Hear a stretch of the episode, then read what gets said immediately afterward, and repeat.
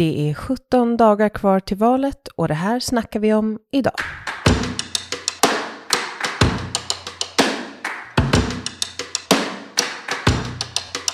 Välfärdens arbetare går på knäna. Och trots att det är de som får samhället att gå runt så är det samtidigt också de som får betala priset när vi nu går in i en lågkonjunktur och när fler blir äldre. I helgen som gick höll Nooshi Dadgostar sitt sommartal i sin hemstad Göteborg. Där var budskapet tydligt. Det som gör att Sverige går runt, det är välfärden. Vi måste vårda och akta den. Därför vill Vänsterpartiet satsa 70 miljarder årligen på välfärden. Om detta snackar vi idag och i studion finns jag, Anna Herdy. Samtidigt som arbetsuppgift efter arbetsuppgift läggs på personalen blir resurserna färre. Så ser det ut i stora delar av vårdsverige. Vi måste lyssna på dem som jobbar med det här. De som kan sin sak. Och det är inte alltid chefer, konsulter och byråkrater. Det är sjukvårdspersonalen. Vårdförbundet säger att sommaren 2022 är den hårdast belastade någonsin. En vän till mig berättar om sitt arbetspass på sjukhuset från i somras. Jag är ensam ansvarig sjuksköterska för 30 patienter. Jag drar undan ett draperi och möter en patient som vi inte har hunnit hjälpa på åtta timmar. Ansiktet är slappt. Mungipan hänger. Han har fått en stroke. Människors trygghet är politikens ansvar så mycket som inte hade behövt hända om det fanns mer personal. Vänsterpartiet är Sveriges enda välfärdsparti. Det är ingen nyhet, men det är smärtsamt uppenbart under den här valrörelsen.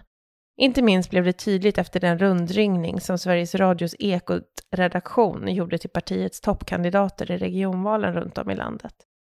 Alla utom Vänsterpartiet svarar att det som ska lösa vårdens problem är digitalisering och effektiviseringar.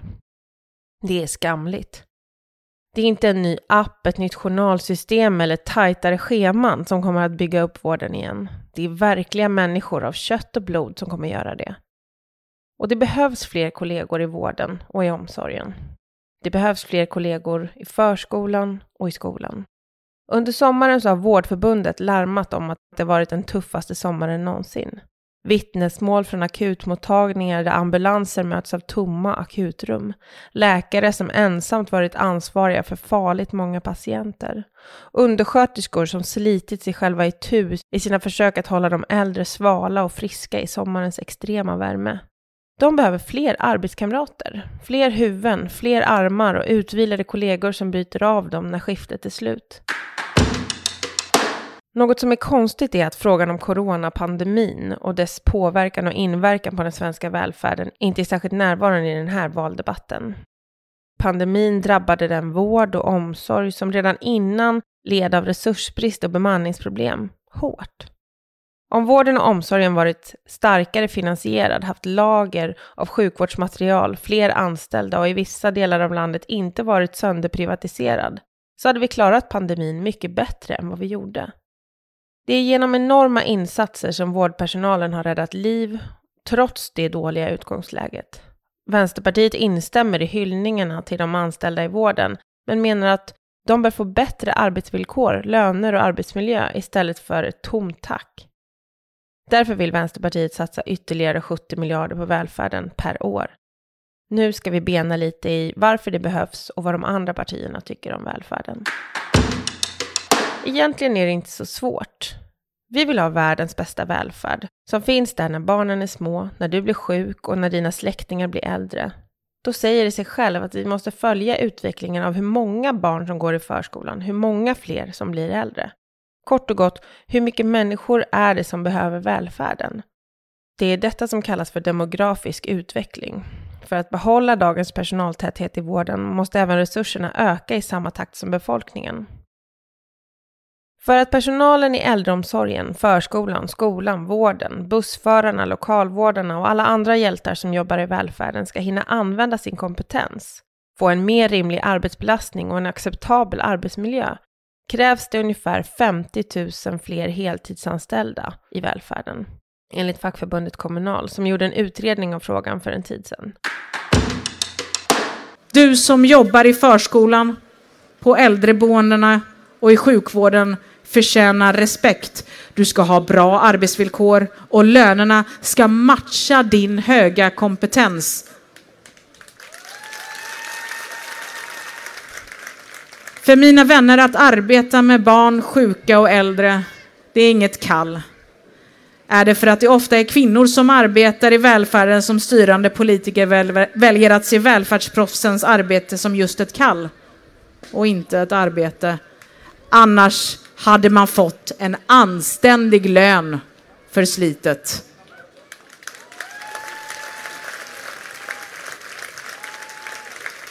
Man förväntas hugga i trots dåliga villkor och löner. Men vet ni, det fungerar inte. Och det kommer aldrig att fungera så längre. Så kan vi inte ha det. Den svenska välfärden har varit vårt lands stolthet. Det som gjort Sverige till det bästa landet att växa upp och leva i. Så är det inte längre. Det kan inte vara rätt att i Sverige ska miljardärerna hållas på gott humör genom nya skattesubventioner som bygger på deras växande förmögenheter. Men när det kommer till välfärd är det mirakelkurer man sätter sitt hopp till. I välfärden utförs viktiga jobb som förtjänar en betydligt högre lön.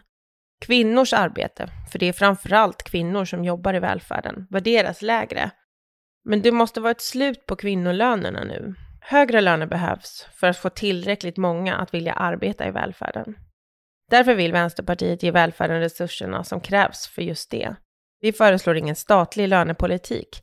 Det är fortfarande parterna som sätter lönerna, men högre löner kostar och då måste man satsa på välfärden. Det finns bara ett parti som vill göra välfärden bättre än vad den är idag, alltså öka personaltätheten jämfört med hur det är idag.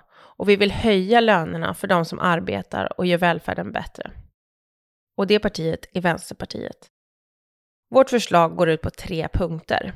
För det första, vi vill öka statsbidragen till kommuner och regioner så att det blir möjligt att behålla personaltätheten i välfärden, även med en växande och åldrande befolkning. 2. Vänsterpartiet vill öka statsbidragen till kommuner och regioner för att utöver att följa utvecklingen i befolkningen, alltså det som kallas för demografin, även öka personaltätheten med 50 000 anställda. Vi ska alltså inte bara behålla dagens nivå, vilket i sig kräver enorma satsningar. Vi ska också förbättra den. Sammanlagt så innebär det 100 000 fler som jobbar i välfärden. 3. Vänsterpartiet vill också ha en ny resursfördelningsmodell för att undvika de här automatiska nedskärningarna som uppstår när man inte kompenserar statsbidragen för höjda löner, höjda omkostnader och så vidare. Vi föreslår en indexering av statsbidragen så att de kan följa demografin och prisutvecklingen. I eh, val efter val så lovar politikerna från båda sidor att välfärden ska förbättras. Men ingenting händer. Man pratar och pratar. De lovar och lovar. Men handlingskraften uteblir och löftena är bortglömda så fort valplakaten har tagits ner. Kristdemokraternas Ebba Busch hon styr över eh, vården för åtta av tio svenskar. Bland annat här i Västra Götaland där personalen får springa fortare och fortare för varje år. I en sjukvård där det blir svårare och svårare att komma fram till en läkare, där patienthotellen läggs ner, där barnmorskorna är alldeles för få. Efter alla dessa år menar de att den här gången, efter just det här valet, då ska de lösa det. Nästan alla de andra partierna vill inte öka resurserna i samma takt som demografin kräver det. Det innebär i praktiken nedskärningar i vård, skola och omsorg. Man ska vara rättvis i beskrivningarna här. Miljöpartiet, de vill att resurserna ska följa den demografiska utvecklingen, men de vill inte öka ambitionen om fler anställda som Vänsterpartiet vill. Miljöpartiet vill alltså ha business as usual. De vill ha det som det är idag, men att välfärden ska växa i takt med befolkningen. Ja, vad sossarna vill, förutom att sitta i regeringskansliet, är svårt att veta. I tisdagens SVT-utfrågning av statsministern öppnade Magdalena Andersson dessutom upp för att regera med Centerpartiet och Liberalerna. Igen. Om det var något vi inte fick av januariavtalet sist det begav sig, så var det satsningar på välfärden. Det som behövs för att återigen bygga världens bästa välfärd är att politiken tar ansvar Vinstintresset måste givetvis bort och den urholkning av välfärden som varit vardag de senaste 30 åren måste få ett slut. Vänsterpartiets satsningar motsvarar över 100 000 fler anställda i välfärden och, och detta är inte ett litet och, högre löner för de som gör ett livsviktigt jobb. Vänsterpartiet är välfärdens parti, det enda i Sverige faktiskt. Idag har vi pratat om välfärden och hur Vänsterpartiet vill göra så att alla de som jobbar i välfärden får fler kollegor och arbetskamrater, en bättre arbetsmiljö och ett drägligare arbetsliv. Vad tycker du att vi ska prata mer om i podden? Skicka in ditt förslag på ämne till podd.vänsterpartiet.se och det ska vara podd med två D. Och du, glöm inte bort att ladda ner vår app Agera. Med den så kan du hjälpa till i valrörelsen, få uppdateringar om vad som händer i valrörelsen och dessutom vad som händer på din ort där du bor. Tack för att du har lyssnat och nu ökar vi takten.